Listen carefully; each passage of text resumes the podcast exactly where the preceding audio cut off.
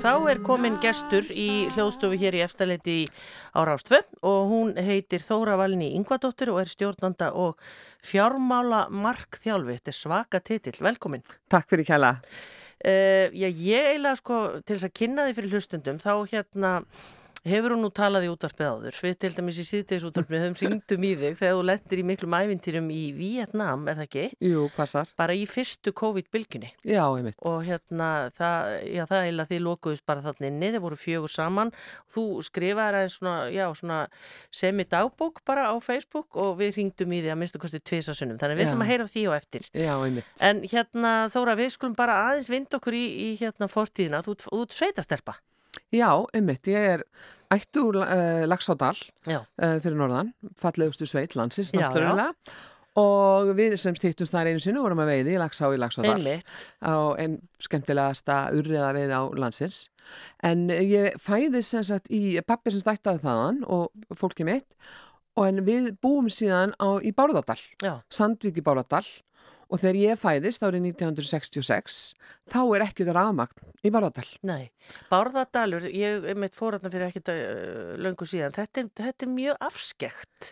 Já, já, það má Snjóðu? Já, já, það er það og það er mjög illa að hugsa um vegina hjá okkur Já, láttu það að heyra það. Já, ymmið, þegar við, maður reynir að skreppi heims og þannig að þá er alltaf, sko það er bara einaskipt sem er sprungið síðustu tíu ár hjá okkur á bíl, það var þegar við skurfum í Bárádal En þetta er sko, margir vita eh, allir vita hvað Góðafoss er og þetta er dalur sem liggur inn af Góðafossi Já.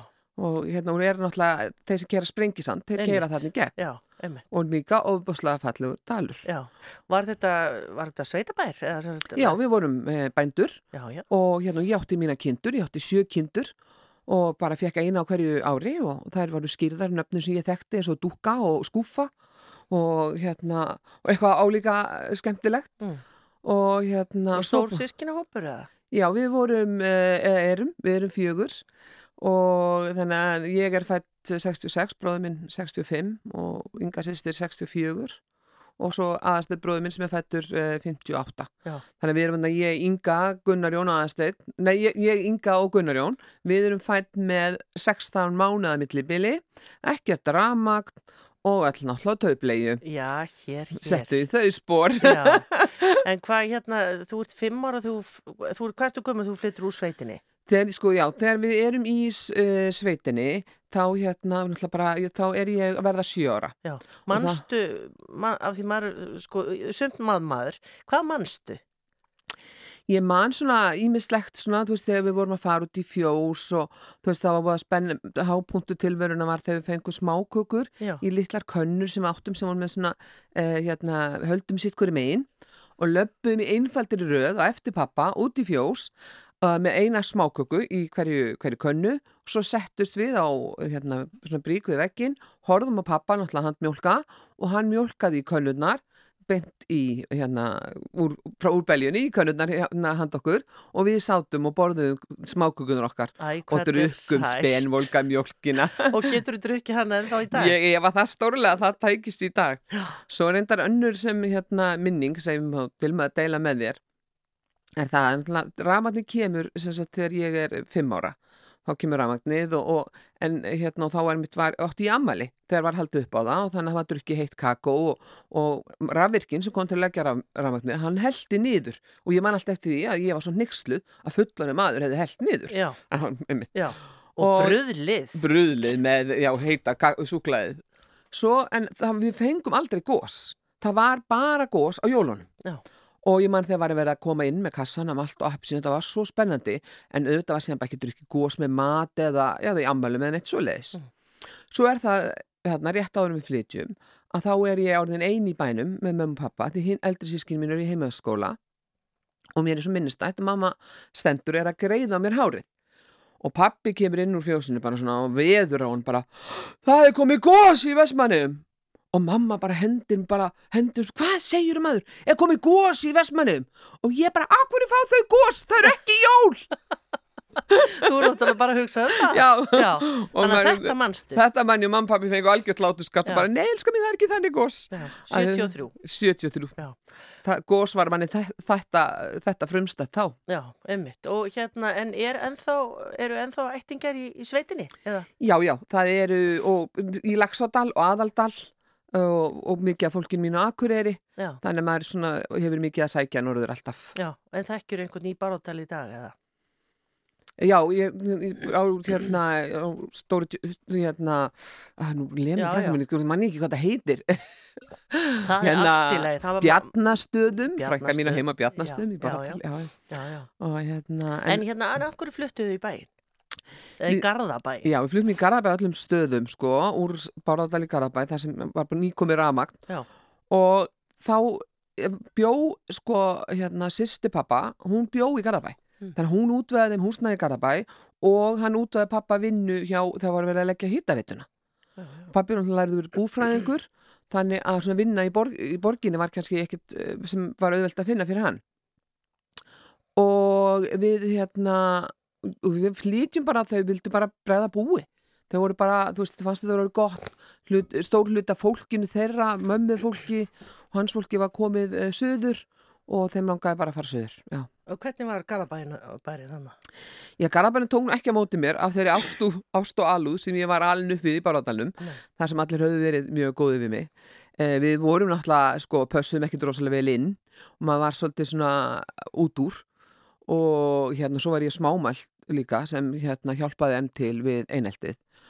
Og það er raunverulega sko, þú veist, það var kannski svolítið áfalla því ég bara hafði alltaf tíð bara haft það bara mjög gott eins og börni að gera. Já. og bara alls upp í miklu alúð og bara svona já, áttu, þú veist, var, allir voru vini mínir og allir voru góði við mig þannig að það var náttúrulega mikil viðbriði að koma í skólan og þá voru ekki allir við mann Nei. Er þetta minningar sem þú ert búin að gera upp eða? Já, ég er nú búin að því. Um, það vill nú þannig til að, veist, ég var lengi vel að hugsa með þau, ég hefði lent í einelti af því að ég var smámælt eða af því að við vorum sveit, en núna veit ég það að ég lent í einelti að því að bara börn ákvaða að vera grimm. Já. Og líka, kannski vegna þess, að það var bara svolítið hluta samfélaginu þá daga. Menning, grunnskóla menning var bara þannig. Og það gerir það ekkert betra og það gerir það ekkert verra, en það var bara þannig. En hvernig fer það að hugsa um þetta? Það hafi verið, þú veist, einelti. Ég menna, maður er oft lengi að átta sig á því.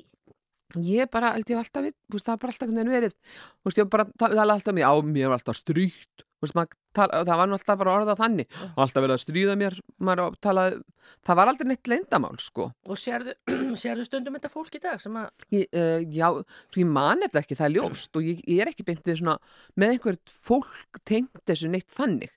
en Það eitthvað ónóta tilfinningam. Já, það var þú veist, þetta er auðvitað óþægilegt, sko, en svo var þetta kannski svolítið svona on and off og svo eignaðist ég líka góði vini í bekknum og hérna, og svo ný, svo þremur hún setna, þá flytja fóreldri mínir aftur og við kaupum okkur hús í hérna grundakverfin í Garðabæ og þar kynntist ég æðislega skemmtilegum krökkum og það er uppbóst bara svona ofbáslega skemmtileg tilvera þess að við vorum krakkar sem vorum úti frá mótni til miðnættis þau þurftu að garga okkur inn í matinn. Við heldum bíó, bíósýningar við byggum til til brautir í snjónum til að laupa eftir og, bara, og við gerðum reynda dyrat líka afsækið fólki sem við gerðum dyrat hjá Já, í hverfinu og það var stór bílskur sem hildi heimi á mér og þar vorum við að gera veist, hérna, leiksýningar við vorum að mæma Abba, sí- Abba og vorum bara með svona full blown sko bara leikhússýningu já. Þannig ég sé alveg þóra, þú er bara alveg ljómar þegar þú talar um þetta. Já, þetta var ósalega skemmtilegt, við áttum mjög góða, góða tíma þessi krakkar og Er ég, þetta ekki þá, Garðabæri er í rauninni þarna bara nánast sveit? eða já, ég held að við heiti Garðareppur þá, já, sko. einmitt. Ég held það, já, örglega. Já. Og þannig, sem sagt, það er fyrst barnaskóli og er svo annar Já, gaggó. flataskóli, svo Já. skipti ég yfir í, í Garðaskóla og þá líka var ég farin að eignast miklu fleiri vini og, og hérna, og, og þannig að þetta, eins og ég segi, þú- þá bara gekk þetta ágætlega vel og hérna, Svo er ákveðið að senda því í heimavistaskóla. Já, þannig að sko, það var þannig að, að sumi krakkar sem voru óþekkir voru sendir í heimilskóla. En mamma leit svo á að því við vorum sveit að þá væri svo gaman fyrir okkar að fara í heimilskóla. Og henni fannst að vera einhver mannréttindi okkar sískinuna að fá að fara í heimilskóla. Og hvena var þetta? Hvað ertu gömul þá?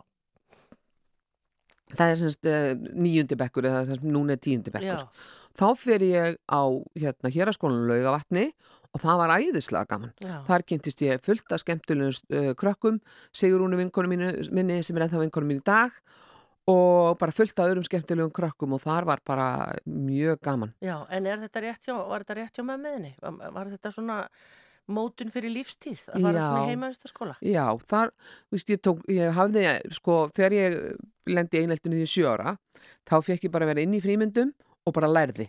Og mér varst ofsalega gamla að læra. Og svo þegar ég fór að vera svona, ég fleiri vini í gagfræðaskóla, þá hætti ég að nenn að læra. Já, já, já, Þannig að þarna tók ég þetta svolítið í gegn þarna síðast árið og lagði svolítið kraft í lærdóminn og félagskapin. Þá lærði ég að balansera að vera bæ, eiga bæði vini og læra. já. Þarna kemur kannski fyrsta svona erfiða lífsreynslan, þú lendir hann í slisi. Já, svo lendi hann í bílslisi eh, 20. november og Ertu þú þá farþið í bíl eða? Já, þá erum við í bíl, uh, fimm saman úr Garðabænum og, sagt, uh, og lendum þannig í slisi, uh, tu- já, 20. 20. november. Og þá fór ég ekkert aftur í skólan í sex vikur. Mm. Og þetta er sem sagt banaslis og eitt góðu vinnur okkar deyriði slisi. Og er þetta um vetur? Já, þetta er, 20, þetta er hann aðferðan á 21. november. Já, og er þetta hálka? Já, þetta er hálka og um, sannleikunum verður nú að fylgja með, sko, þetta var ölfunarakstur. já, já. já. Sá sem kerði var ölvaður Mm og hérna við lærðum alltaf því. Vá, þetta hefur verið mikið og þú slasaðist talsvert. Já, ég og yngunum vinkona við slöðsumst uh, talsvert um, og strákarnir tveir sem sátu fram í, sá sem kerði og annar sem var með honum, slöðsumst uh, lítið, var lendi mest aft, aftan í og Herman Höskulsson sem satt uh, á millokkar, hann lést, hann fekk uh, bílþakið í höfuðið og lést. Já, hvernig, þetta er náttúrulega móta, þetta móta maður náttúrulega fyrir lífstíð. Já, það náttúrulega var sko ekki í bóðinni áfalla, áfalla hjálp við, hérna, þannig að það já, þannig að eh, ég, ég reynda að vinna úr sem vel og ég gatt og ég var mjög heppin með það að þegar ég kem aftur í skólan á lögavat þá átti ég svo góða stelpur þar og það er nefnt að sitja með mér á kvöldin og ræða þetta Mm. og þá bjóð maður svona, búblu Já, þannig ég held ég hef verið mjög heppin með, með það og svo náttúrulega bara á maður ástyrka fjölskyldu og stórfjölskyldu og velum mann hugsað sko já, þannig að það bara vans nokkuð vel úr þessu finnst mér Já. Uh, við ætlum ekki að tala um sagt, núverandi kærastæðin í dag en þú kynntist honum samt þegar þú varst hvað gömul. Ég kynnist honum þegar ég er nýjára þegar við erum að flytja þannig þegar við skiptum sem sagt og erum að flytja úr uh, hérna, áskarið þar sem við bjökum í Garðabæ og erum að flytja í grundakverfið og þegar þess, þá var það þannig að það var svona vegurinn niður á húsinu lág frá, ofan að hafna vegi og allavega þá var þetta svona í kringu bílastæðu og veginn sem ég hitt hann. Mm. og þegar við erum að flytja þarna. Já, bara stendur hann þarna og, og bara Já, í minningunni stendur hann bara þarna og hann var þá hærri en ég, hann er, uh, var þá 12 ára hann heiti hvað? hann heitir Jú- Júli, Július Ingólfsson Já. og Og hvað, þekktust að byrjuðu Nei, að tala ég- saman? Eða? ég hef aldrei síðan áður náttúrulega og hérna hann náttúrulega tveimur árum undan í skóla og, og hérna og ég bara svona leit upp og leiti þessi bláu augu og mér langaði að kissa hann það bara var þannig.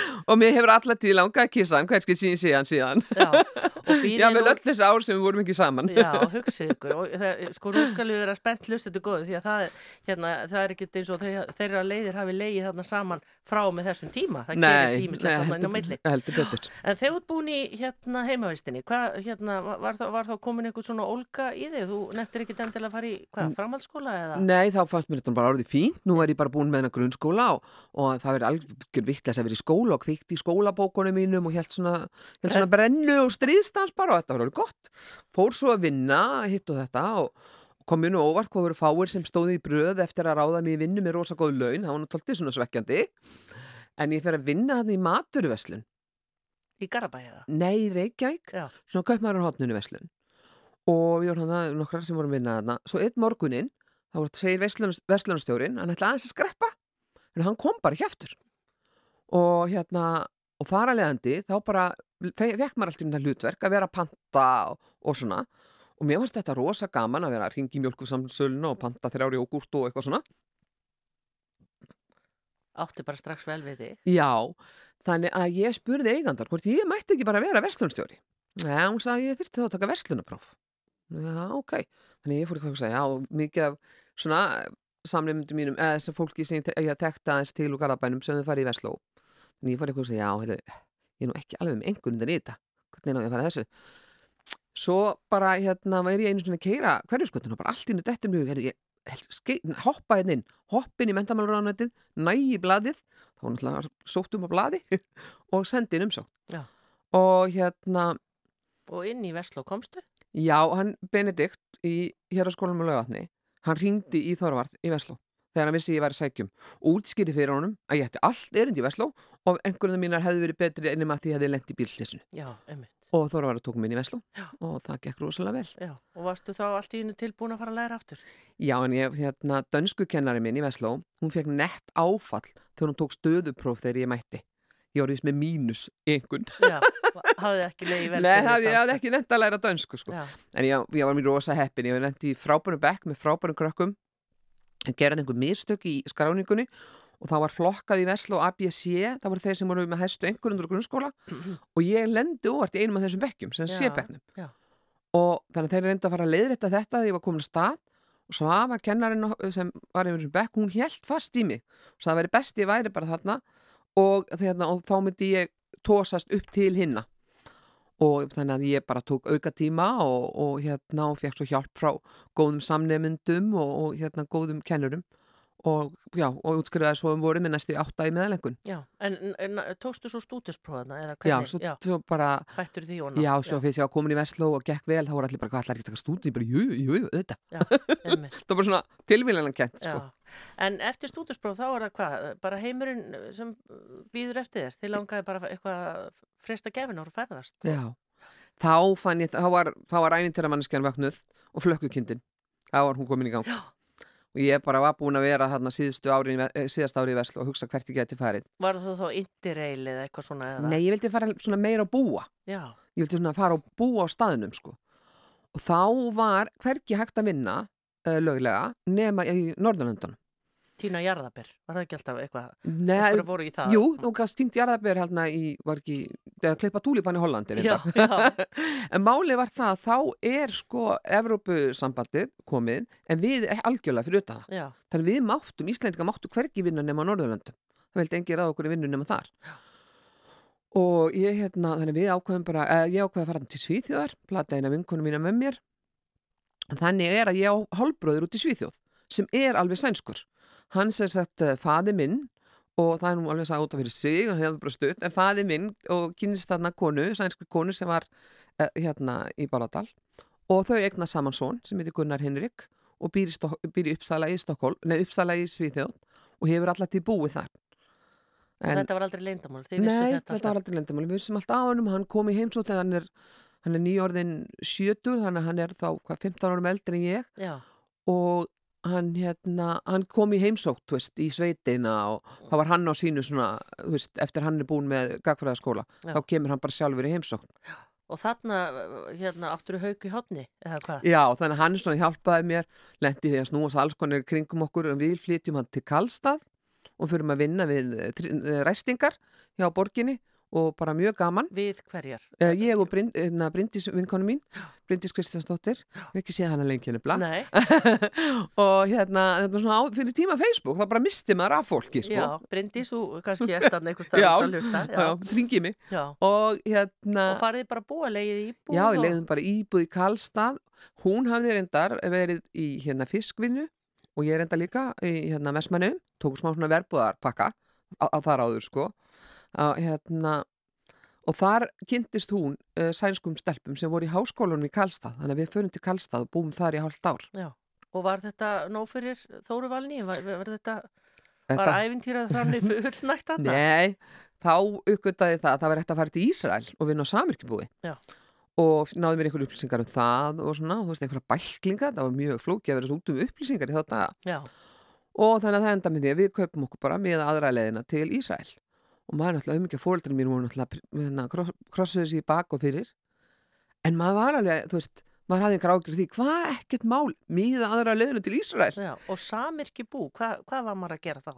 Það? Samirkjubúi er bara svona kommunismi Já, í sinni fallegu mynd já, þar sem allir búa saman og allir vinna saman og er þetta bóndabær? já, þetta er svona hérna Þeir eru að rækta ímislegt Já, já. á okkar, eh, það, voru mikið, það er melónur rækt, mikil ávaxta rækt og það voru mikið af kúmanna, alls konar uh, ræktunarna. Það voru eitthvað 1200 manns sem byggu á þessu bóndabíli, þessu Vá, samviskubú.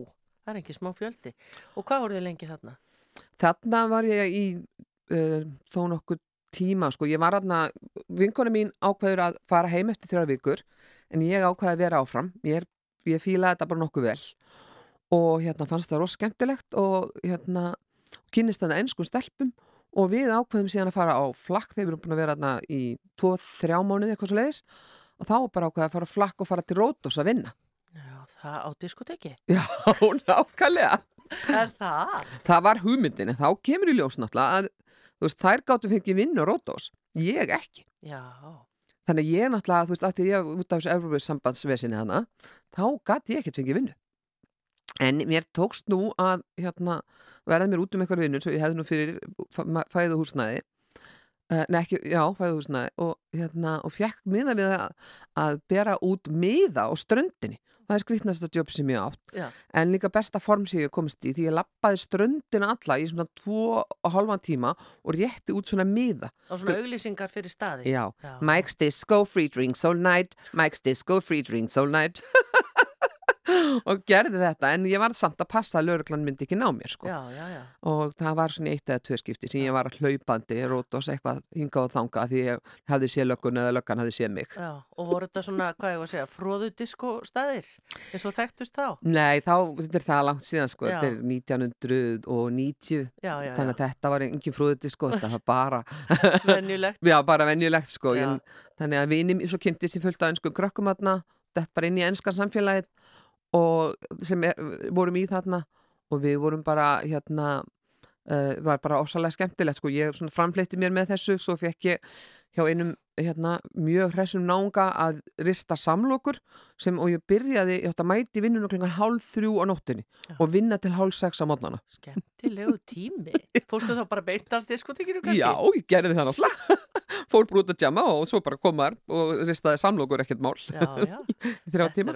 En hvað hérna var ekki verið að segja við þig að heimann, ætlar hún ekki að fara að koma og gera eitthvað við lífið, Þóra Valni? Ég- Hvað, va- voru fóreldræðin bara líka glað með þetta? Nei, þegar hún pappi það alltaf, hvað- ég veit ekkert í hvað hottin totta landi hún er núna, sagði pappa alltaf svo fenguðu eiginlega bara að vita með sko, hérna póstkorti sem kom eftir þrjár vikum eftir að ég skrifaði það, þau vissu yfirleitt ekkert hvar ég var. Já, svo reyndi ég að ringja heim og hérna og, að reyna, veist, og það, þá þurfti maður að fara svona símstöðarótos og þar var sett fylgdi maður út eitthvað blað, það var sett í svona hólk svona eins og maður sé í bíumyndun og hólkur er svona sendur eitthvað, svo byðum við eftir símtalinu og við þurftum ofta að býða í 2-3 tíma eftir að fá, að ring, fá símtalið. Já.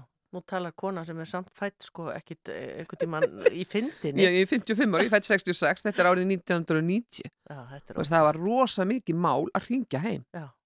En hérna, eh, þú kjælst svo skólagöngu áfram, einhvern tímann eftir þetta, allt. já, Hvað gerðist þá? Hugsaður bara, ég get ekki staðið þessu? Nei, ég var alltaf, það stóð alltaf til að fara aftur, að fara aftur og ég var bara svona farin, alveg farin að hugsa í viðskiptafræðinni ætlaði, en ætlaði að fara og, og var alltaf búin að ákveða að vera úti, fara út í nám og þannig að það var alltaf á tekniborðinu. Þannig að það var svona, þú veist, ég, þannig að ég held áfram að ferðast þarna, það tók alveg tvö ár. Þannig að ég fer aftur, skrepp heim aðeins, vinnin smá penning, fer aftur út og þá fórum við og fór ég á flakk og þá með mínum þá fyrir, fyrirvænandi þáverandi kærasta sem sagt hann var ekki þá fyrirvænandi, hann var, já núna fyrirvænandi Já, en þá er þetta kærastan mín og við flökkuðum þá líka, fórum aftur á saminski bús sumarið eftir og við fórum til þá hérna, Egiptalands og hérna og Is Istanbul og, og fleira og fleira. Já, og þá náttúrulega var ég handtekinn að sjálfsögðu. Já, þetta er að verða eitthvað, ég er búin að sjá þetta er svona þem í ég var, við vorum handtekinn á Ben Gurion flugvellinum í Jérúsalem þegar við erum að koma, því við komum beint frá Egyptalandi og erum að fara yfir og ætlum að fljúa til Tyrklands og af því þeir eru svo miklu ágjur af því að þeir sem væri að koma frá Egyptalandi væri að koma með sprengjur já, já, já, já. Og þetta Þóra eina þeim. já, já, ég er mjög sprengjuleg svona Það er bara handtekinn. Já, við vorum svona aftekinn og allt tekið í sundur og þú veist, þeir fóru í gegnum allan, þú veist, skrúfið sundur varaliti og, og bara allt, sko, svo var maður tekið inn til að fara í hérna strip search, það kallast, svona, það sem er verið að leitað manni án fata, en það vildi svo vel til á þess að heitti veðri og ég var svo ung og ég var svo létt klætt að hérna ég var bara stuttu pilsi og, og toppból og, og konan sem var nú í þessum hún búin að sjá að við vorum alveg búin að fá nóga þessu, þessu svona einhverju bara heimski túristar og, og hún bara slefti mér í gegnum þetta frekar auðvelt. En þannig já, það er all- alltaf annarslega verið að handaka mig já, á já, flugullum já, já, býðið bara, þetta er ekki fyrsta sinn.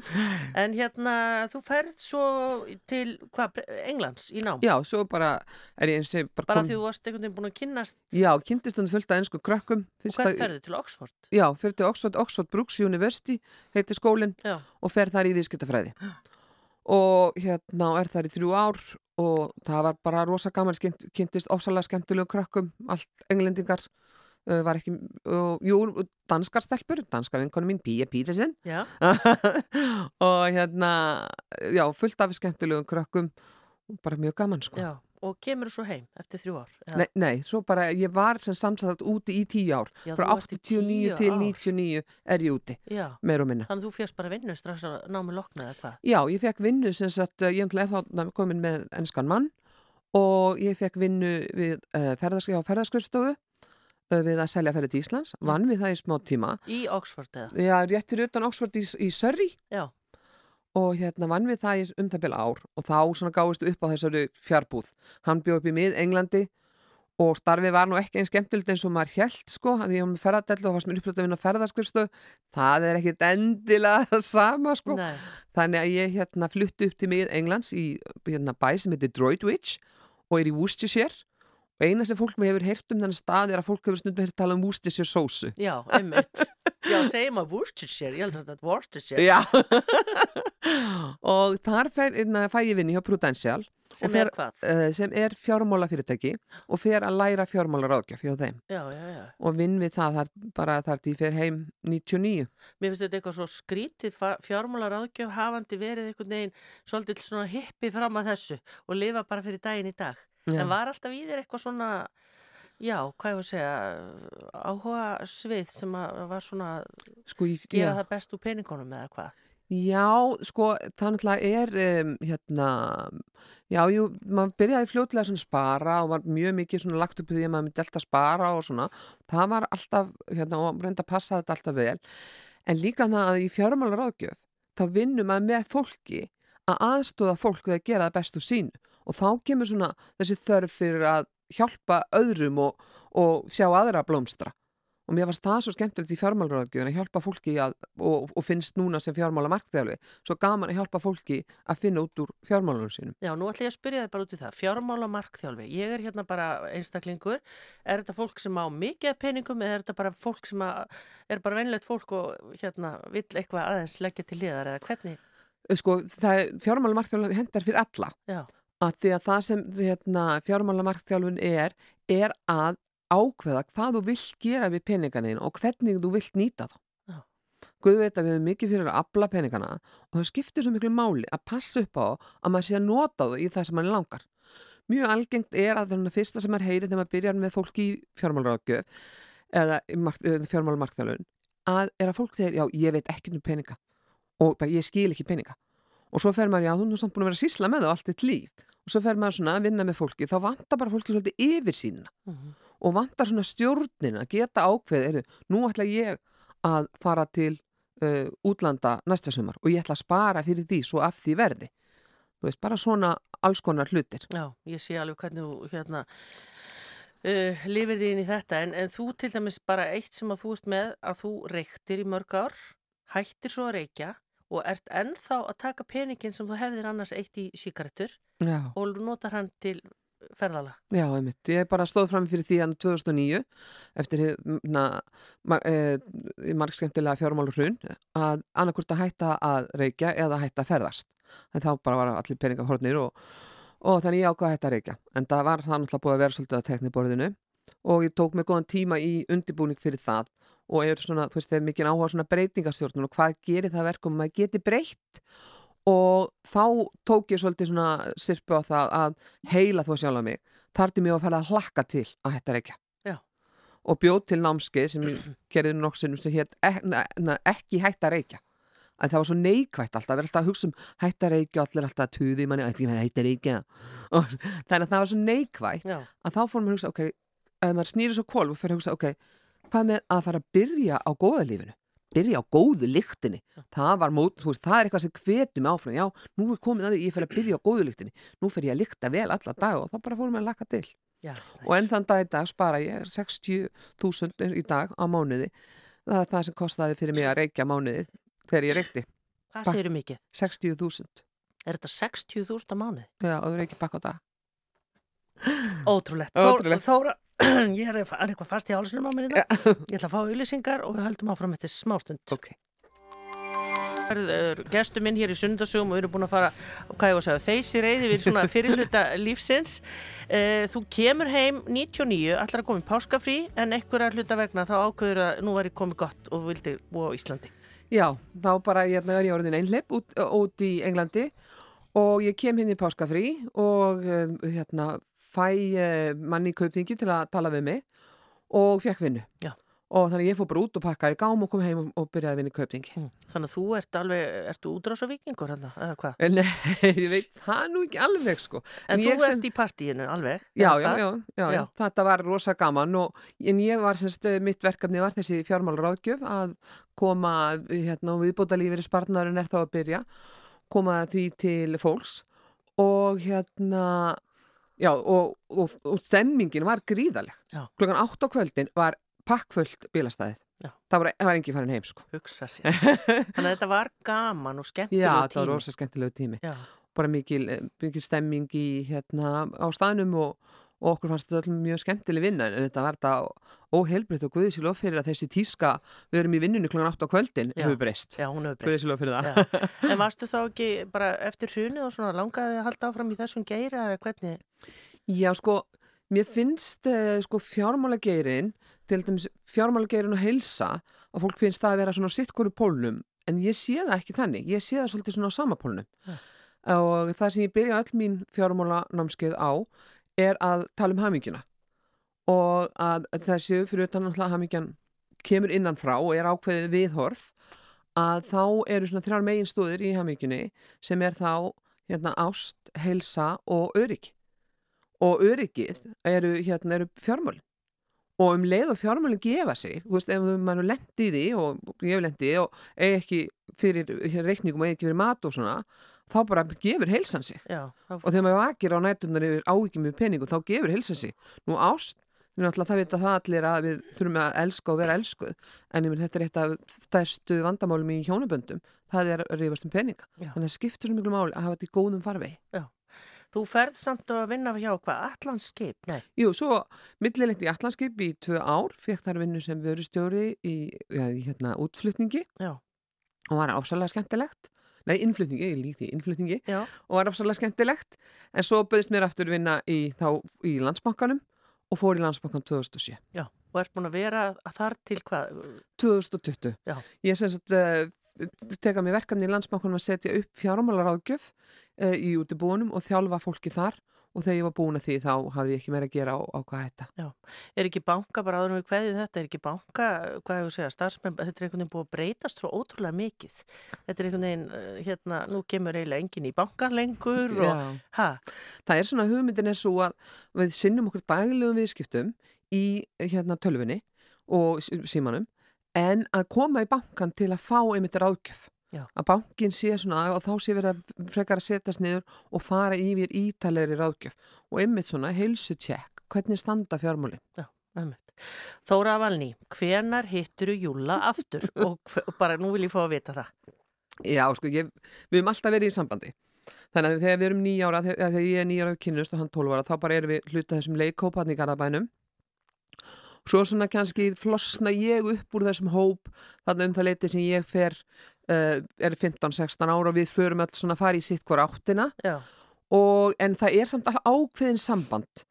Helga vinkon okkar er sammeili vinkon okkar og við höfum svona hittumst alltaf í gegnum hana svolítið. já, Og ég held ég við sendt hún jólakort til dæmis allt mitt líf. bara, og þá átti hann fjölskyldu og, Nei, hann var, var hérna Piparsveit og hérna og stufir segja hann hafi bara verið að býða eftir mér sko. já, já, hann var piparsveit. Já, hann var Piparsveit Já. Og hérna og ég náttúrulega kem heim hann 99 og þá er ég einhleip Mm. og hann bjó í Danmörku uh, dágáðan tíma en svo kem ég heim og hann kemur heim og svo e, fyrir við nú að vera saman tíu árum eftir að við komum heim sko. Og hvað var til þess að þið föttuðu, heyrðu við, ættu nú bara, Já, sko, það var náttúrulega, mamma var búin að segja þetta alla tíð. Hún var alltaf að segja, sko, en Júli, ég bara, mér er svo ólík. Og, hérna, og það er rétt, við erum mjög ólík. En það komur síðan að því, þegar við förum svona að tala saman eftir við erum orðin eldri og hérna, að þá erum við ólík á góðan hátt. já, Þannig að við erum svona yin og yang og allar þessar klísjur.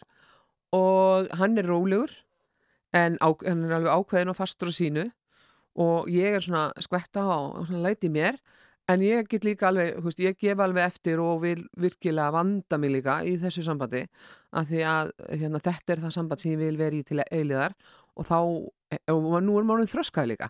Nú nenni maður ekki að eyða hérna, tímanum í það að vera með þrasið í smóminu. nei, Nú viljum við bara, nú þakka maður bara fyrir ef maður er heilsuröstur um að vakna og vil bara vera hamingsamur. já. En manstu bara, svo ég held aðeins áfram með Júla, sko, hvort ykkar tók ákvörðuna, já, já, nú ætlum við bara að prófa að byrja saman. Um, sko, ég átti nú frumkvæðið, sko. Ég, hérna, það var ég sem svona uh, ringdi og, og sagði, heyrðu, það er komið svona, hérna, getur þú hjálpað mér, það er komið hérna flakkari, ég kann ekkert að tengja þetta. hvað heitir það, komið hérna, þeir já, já, já, Sjón Símon sem hann þurfti að fara, og leta hann og plataði hann yfir í einhverja, sko, þú veist, hann, ég bjóð þá síðst í Garðabænum og hann nýrst í Hafnafjörðin, þannig að hann var mjög stutt á mill okkar, plataði að koma og hjálpa mér með einhver tæknimál, gott trikk, er mjög gott trikk, sko, og svo bara, hérna, já, svona svona smátt og smátt uh, þróaðist þetta, um, við svona, við gerðum eina tilraun einu sinni, þegar árið 2006 sem gekk ekki og vorum við saman í þrjá mánuði og það gekk mjög brösulega. Þá vorum við bara bæði upptekina því að reyna að koma okkar sjónamiðum á framfæri alla daga og það gekk mjög illa. Svo eh, er það nokkur mánuð setn og þá fyrir við að vera saman aftur og þá fórum við í felur. já, þá letuðu enga vita. Nei, og letum við engan vita. Að því, veist, fjölskyldun okkar þekkjast, vinnur okkar þekkjast og bara þegar við byrjum saman fjölskyldun, það varð rosa pressa. Já. Og bara við erum bæðið ballaus og fólk var bara, kilobatt, kilobatt og þú veist, ég var færtu þarna, hann 43 og það bara kilobatt og við vorum bara oh. og allt koðanaði niður. Þannig að nú bara vorum við í felum og vorum bara í, saman í einhverja svona tíu mánu en við fekk nokkur að vita af því. Já. Og þá blómstraði þetta allt og, og þá bara líka svona var engin pressa og við bara svona orðin þroskar og búin að læra fyrir mistökum og vönduðum okkur og, og genum vel og síðan hefur þetta bara gengið alveg rosalega vel. Já. Það er bara jafnast, mér finnst bara ekkert jafnast á við það að eiga svona góðan félag. Ég hefði aldrei trúið að þetta verið til. Nei, Það er alveg stórkostlega. Mér finnst það líka svo huga hugað einhvern veginn að gefa þessu sjans af því margir hefur bara einhvern veginn. En segðu mér hérna, uh, og ég sá held ég á Facebook að þið ætlaði að gifta ykkur á þessu Já. ári. Já, hann fór á hnén 2018 við vorum reyndar að skemmt að vera skipi sem ég segja það bara verið svo mikil veltingur hann er dottigreið en hann fór hnén og við trúluðum okkur 2018 og ætlum að gifta okkur svo 2020 því þá varum við akkurat búin að vera saman í tíu ár.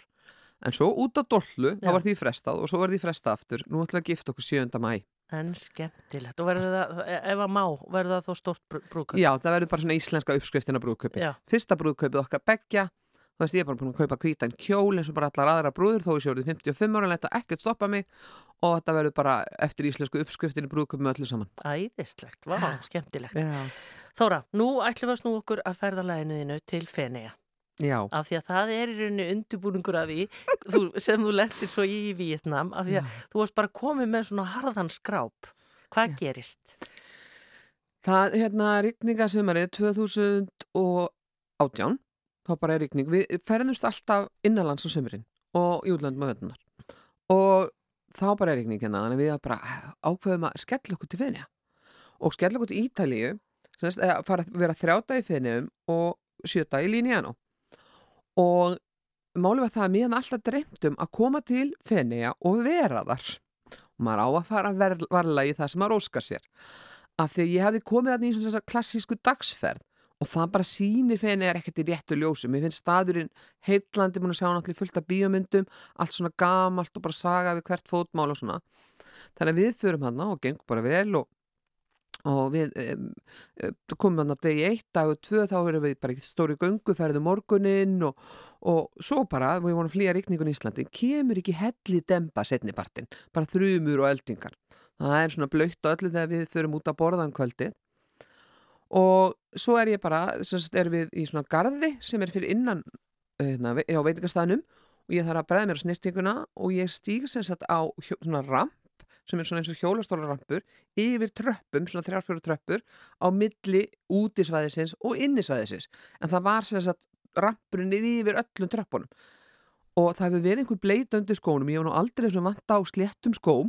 Það hefur nörgulega bara betra að vera á hælum. En hérna og ég renn svona til. Og ég renn til og detti hliðar einhvern veginn og ég finn rosa til í fætinum. Þá kom einhverju röskir ítalari þarna Júli var sittjandi út í bak bakarðunum þannig að hann sá þetta ekki eða heyrði. Fyrir en þessi rösku ítalari koma rífa undir sinnkvæll handleikin á mér og garga get up, get up, get up! Og rífa mig upp.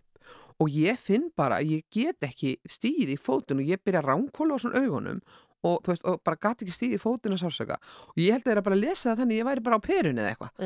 Og hérna og þannig að þeir bara rífa mig hann á fætur og ég sti, sti, sting bara í fótinn setja hann undir mig og spytni í öllu lífs og sála kröftum og þá heyrðist bara Ég, ég. og ég þá öskraði ég rosa hátt og allir í veitingastanum heyrðu að Júli kom hlaupandi og, og hann nær þá undir baki á mér og bara nær að setja mér stól og þá snýri fóturinn svona veist, alveg, já, Alveg öfugt. Já, alveg öfugt. Það snýri sem sagt alveg til Ertu þá, er þetta þá öklin sem er að brotna? Já, þá ökl, snýri öklin alveg svona, bara Oh. alveg, alveg svona út á, út á til hægri, sko. Já, Og ég hef alltaf gott með þetta. Svo var þetta svona í þegar maður segir það í útvarpi. já, já. og hérna, og, og sem sagt, ég verð bara á spítala og ég held ég verð bara snúin. Já. Að þetta var þannig lagað ekkit alvöru högg eða alvöru fall. Nei, þá kemur við ljósi ég er búin að brjóta, uh, ég, það hafði brotnað uh, næstasta bein líkamann sem er sköplungsbeinið og svo litla pípan hliðin á tveim stöðum. Mér er trillað, bara, þú far ekkert að fara heim. Og hérna og ég lögði inn á spítala og lögði inn á sjúkrahúsi þarna í fenni um nóttina. Uh, hérna klokkan, já, minnati og hérna þá segja þið bara, já, hérna, þú ert að fara í aðgerð og ég bara, já, fínt, er það á morgu? Nei, nei, sko, skurstofan hjá okkur, hún er bara opinn á föstudöfum, þannig hún vefur eftir viku Ha, ég bara, er þetta ekki, já, ég býði viku já, já, já, það er ekkert mál, sko, það sem við gerum er að tökum pinna og við borum honum gegnum hælina á þér og svo bindum við þið upp hérna á svona klafa og þú verður þannig í viku. Það er ekkert mál. Já, hér. og, hérna, og þetta gerður og þarna var maður bara dottinn 50 ár aftur í tíman í heilbriðstjónustu sjúkrarúmið, það var ekki hægt að hækka það og lækka með tökum. Nei.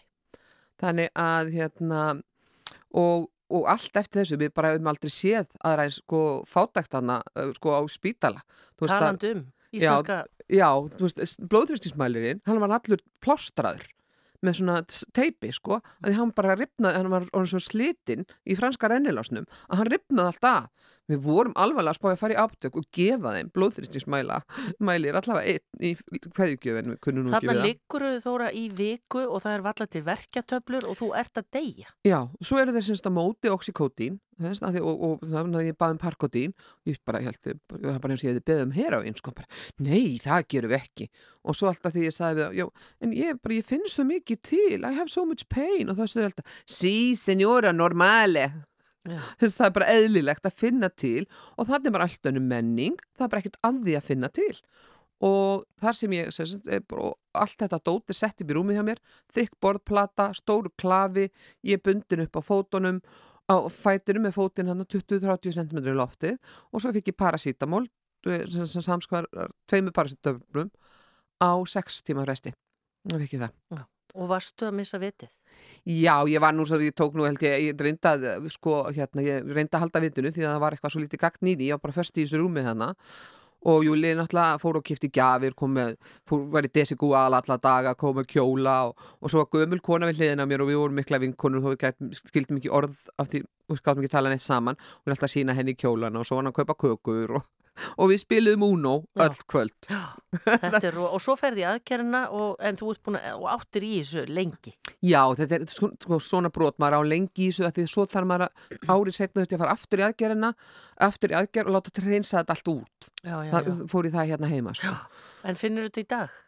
Já, þetta, sko maður finnur aðeins í þessu eftir en ég, þetta hefur gengið mjög vel og ég get gengið Já. og ég get gengið eðlilega, Já. ég lærið að ganga upp á nýtt og, og get gengið eðlilega og það er, finnst mér aðeinslegt Eh, Þetta er ótrúlega saga og hérna, af því að lendi þessu, þá finnst þér í rauninni sagan frá Vietnam, hún er auðvitað ótrúleg, en þetta var það mikið reynsla að þú bjóst að því einhvern veginn. Að, Já, já, nú skaldu segja okkur þá svo, hvað gerist í Vietnam?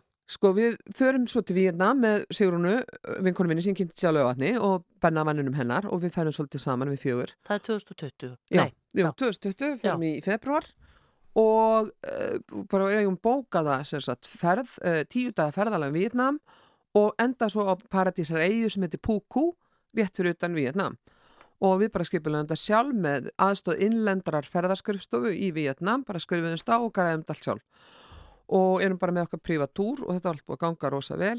Og við hlut af þessu er að við förum á Halong Bay, flóan og siglum þar og erum þar á svona skemmtilegum bát sem er svona 25 manna bátur.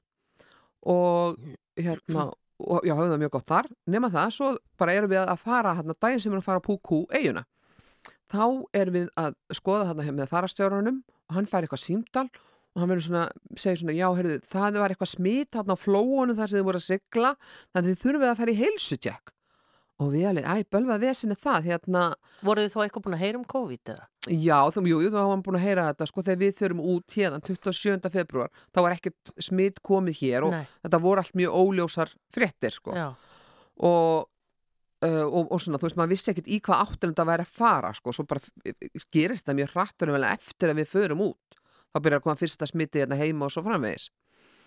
En áttu samt nú ekki móna þessu en auðvitað vissu þetta var möguleiki. Þegar áður en við fórum, við vissum það alveg og vorum aðeins að spája að hætta við. En það er ekkert auðvelt að maður er búin að borga dýra ferð að hætta við, fara ekkert endugreitt og við vissum líka ekkert hvernig það myndi þróast. Já, nema það að svo bara hérna, svo er farið að rúnda með okkur í þetta heilsutjekk og við með strákjur ef við áttum flug þarna klokkan 2 á paradísaregin okkar. Og hann sagði ekki að hafa neina ágjur ekki tekið sko flug setna og við varum eitthvað spang, við missum alveg af því að tana í dag, skilum, við ætlum að fara í sólbað í dag og, og hérna, og mestar ágjur því, svo bara komið með okkur að herstu þar sem er bara þryggja metra háir, eh, steiftir veggir með gattavinskýrðingu uppi, svona eins og maður hefur séð bara í bandarísku fangjusum og herrmenn bara við hliði þannig alveg vopnaðir og allt. Og við bara, já, á að færa með okkur hingað. Hérðan kemst nú engin út. Hó, hó, fannst okkur við vera mjög fyndin. Svo er bara kert með okkur inn fyrir farið með okkur í hús, það sem er greinlega verið að græja hlutina. Þá voru yðnaði menn að vinna og það var þú veist, ramar stótt út um allt og svona. Og hann farið með okkur inn í herbyggi og það eina sem var í þessum herbyggjum var nýjasta útgáfa af sjúkrarúmi. Mm. Og þannig ég er eina mannska sem get sagt það að sjúkrarúmin í Vietnam voru miklu flottar en sjúkrarúmin á í Fennium já. ég hef samanbyrði Og þið eru aldrei, þú veist, var sagt, voru það leiðin í test eða? Já, ég hef sagt var leiðin test. Og við komumst að því sem sagt að þetta var gert svona. Til að þeir færi ekki að því að þeir eru sagt já, nú ætlum við að fara með okkur og loka okkur inni í tvær vikur, þá hefur ekkert fengið okkur að stað, við. En vissu þeir að þið, að, akkur voru þið búin að ákvæða að þið væri smituð? Já, þetta, þá var sótt hví virkaði þá svona. Já, Þannig að þegar við komum þarna, þá segja þær, já, heru, það var hérna maður á skipinu sem var með sótt, reyndist jákvæður á bátnum þannig sem vorum Já. að sigla. Þannig að þið verðið að vera hér í sóttkví. Og þetta sögðu þeir voru búin að vera svona allan daginn eitthvað að snöfla í okkur. Og við reyndum svona mældi í mót, sagt mótmæla, en það gekk ekki neitt sko. en urðu þið veik? Nei, nei, við smituðumst ekkert sko. Og þarna voruð þið í hvað marga daga? Við vorum í, við vorum í sjö daga. Áttum að vera í tvær vikur en íslenski ræðismæðurinn, uh, indisleika vietnamskona, hún fór bara og setti allt á fullt. Uh, Sistir hennar er helbriðisráð þeirra Vietnam og þarna held ég að hlutinu virkið svolítið eins og bara var fyrir Ísland, og Íslandi fyrir 50 árum síðan. Það sem skipti bara máli hver þekkti hvern, eða Já. kannski virkar enn, ég veit það ekki. En þetta var, sko, maður sá myndirnar og þú varst að skrifa um þetta á Facebook og svona, þetta var auðvitað, eftir á er þetta fyndið, en þetta var svakalegt. Já, Hiti, rosalega heitt. Rosaleg, og, og þessi tilfinninglega að vera frelsisviftur, Já. það er rosalegt. Allt í hennu bara, þú veist, er bara búið ákveða, við, nú tökum við að þér. Já, og bara maður er ekkert um þetta að segja nei. Þú veist, þetta er ekki eitthvað sem maður á að venjast. Mjög skrítið. En mórallin hjá ykkur fjórum, rifusti og... Nei, við bara, okkur tókst bara að halda okkur á, hérna, á, á húmórnum, vorum með Uno með okkur og spiluðum Uno. Og hérna og svo bara upphóst svona bara fangelsistemming, við vorum að smikla dótin í fangelsið, við vorum að fá sendingar, veist, við vorum að æfa brúðarvalsin, við reyndum bara að gera eitthvað okkur til skemmtuna, sko. Mm. maður svona alltaf að fara inn, ó það er svo heitt hérna. Fórum út, nei það er heitara hér, já, býttu þannig að við máttum það var svona 100 metra sko stripp eða svona fyrir utan sem við máttum lappa á, þannig við vorum ekki læst inn í húsinu. Nei. En hérna, þegar þið komið heim og svona, voruð þið þá að hitta vina hjón ykkar eða, eða þurftu að kvíla ykkur á hvort öðru? Nei, við náttan helt nokkuð vel og við bara fórum fljótlega í ferðalag bara um leið og 15 mánuði voru liðni, þá fórum við saman til Tenerife Já. og hérna, og neini, það gekk allt mjög vel og og hérna, já, og ég náttúrulega þóldi þessa þólraun og gott betur. Já, en Þóra, hérna, þú segir sko að þú, þóld, þú, þú varst svolítið bara vel undirbúin af því að þú hafðir svo einhvern veginn þurft að taka á hann og stóraðinum hann í fenni. Já, ég sagði myndi Júla og bara degi tvö, þú veist þetta er svona sökva inn sko hjá mann eða maður bara hvud og ég sagði, þetta er bara finnst þetta, líður eins ítla eins og í fennum og Júla bara, nei, nei, nei, nei. Þú veist það, hann alltaf var hryllilegt, þú veist, ég þjáðist þar alla daga hann var einn rávandu fenniar hann getur nú tekið að sér að vera leiðsöðum aður í fennum hann er búin að lappa þar svo leiðis fram og tilbaka og hann bara gæti ekkert hjálpað mér, þú veist,